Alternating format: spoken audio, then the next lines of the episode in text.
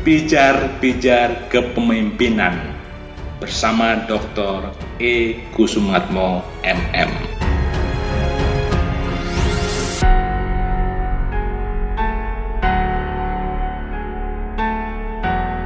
Bersiap menghadapi wabah.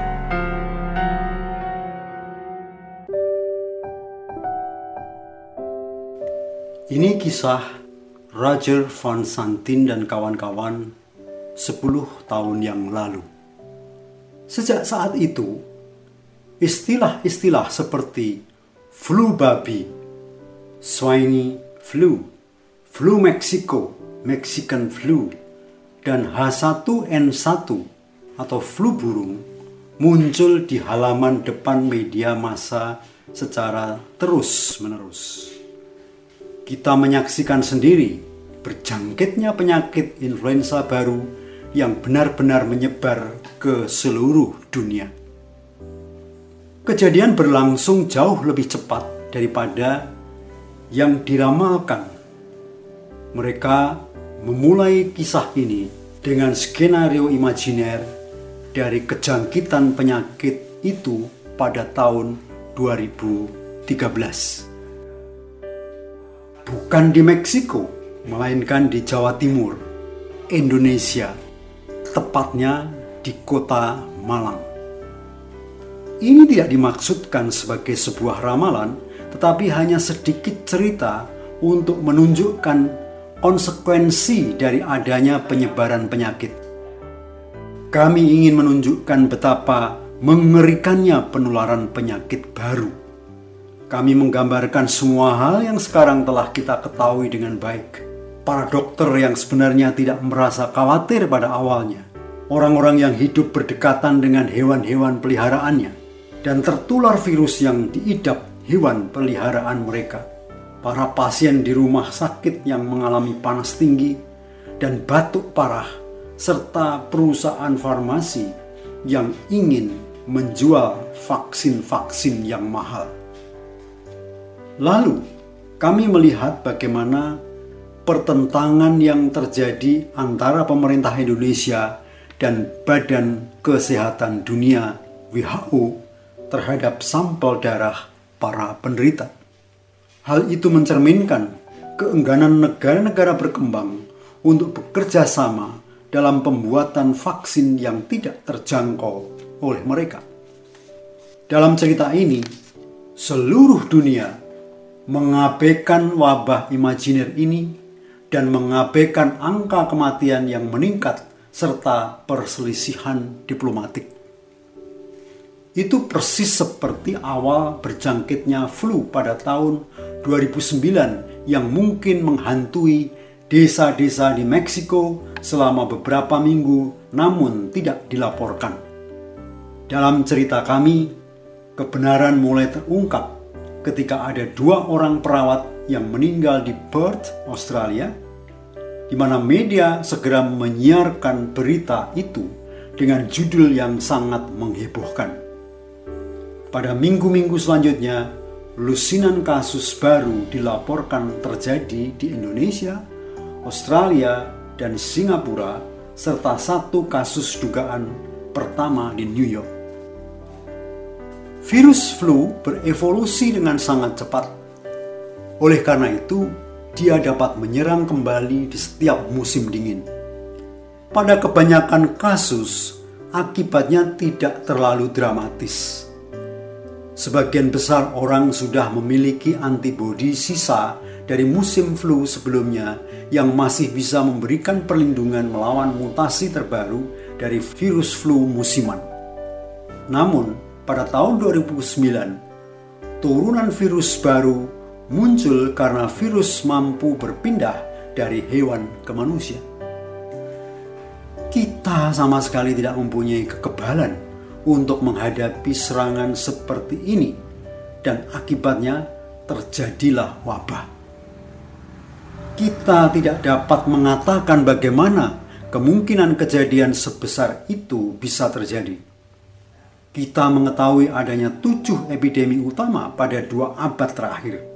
Mungkin wabah selanjutnya akan menyerang tahun depan atau tahun-tahun berikutnya. Mungkin wabah itu tidak akan bermula dari Meksiko, tetapi di Cina atau Vietnam. Ada banyak tempat di Asia di mana manusia dan, dan hewan hidup dalam jarak yang cukup dekat. Hal yang menakutkan adalah bila dalam kondisi seperti ini muncul virus flu baru. Kita sama sekali tidak bisa mempengaruhi wadah alami tempat virus mengalami reproduksi dan mutasi. Wabah influenza baru bisa membunuh ratusan juta orang, mengubah prasarana global, dan membuat perekonomian global menjadi stagnan.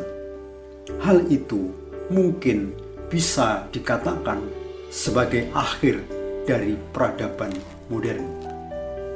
Kita tidak hanya memiliki kekurangan dalam hal produksi vaksin. Program besar-besaran untuk mengatur dan menyalurkan vaksin ke masyarakat luas juga perlu diperbaiki.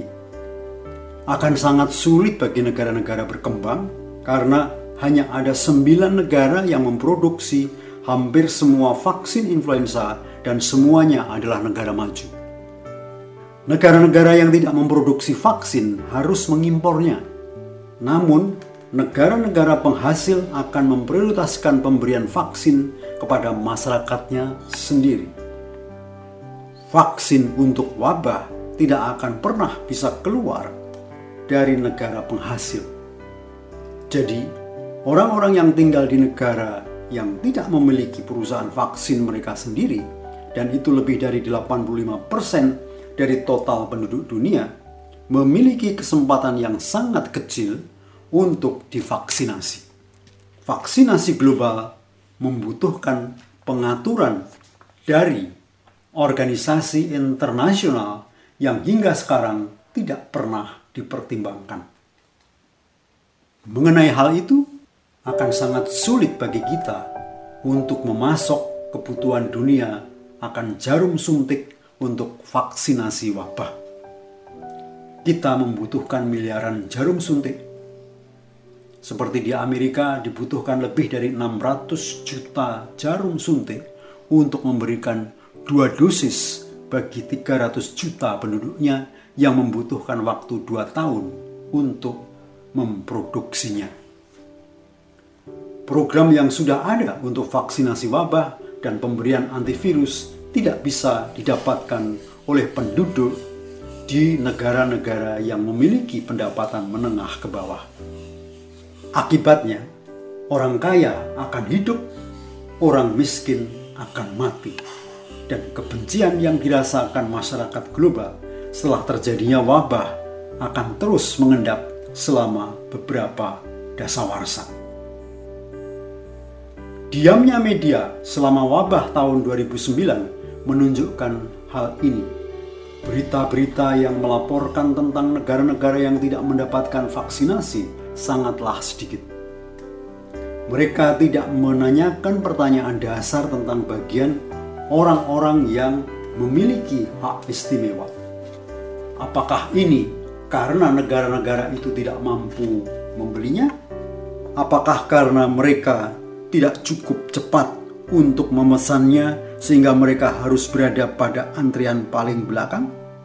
Apakah negara-negara ini tidak menyangka bahwa dampak dari flu babi akan sedemikian hebat dan mematikan. Kita tidak mendengarnya dari negara-negara ini dan kediaman media menunjukkan kurangnya pengetahuan global kita tentang apa yang terjadi di negara lain yang telah mendapatkan serangan penyakit ini. Mungkin jumlah korban jiwanya tidak mencapai jutaan, namun korban di negara-negara tersebut kemungkinan jauh lebih banyak dibandingkan korban karena wabah flu biasa. Bersiap untuk guncangan besar berarti mengendurkan jaringan global kita. Desentralisasi akan membuat dunia ini akan lebih stabil. Orang-orang yang menggunakan energi matahari dan tungku kayu bakar akan diuntungkan jika terjadi penyebaran wabah karena mereka tidak bergantung sepenuhnya pada jaringan listrik. Kota yang memiliki penyimpanan makanan strategis yang baik akan lebih mampu bertahan. Unit produksi kecil yang tidak bergantung pada persediaan global akan dapat bertahan lebih lama dan lebih cepat pulih. Salam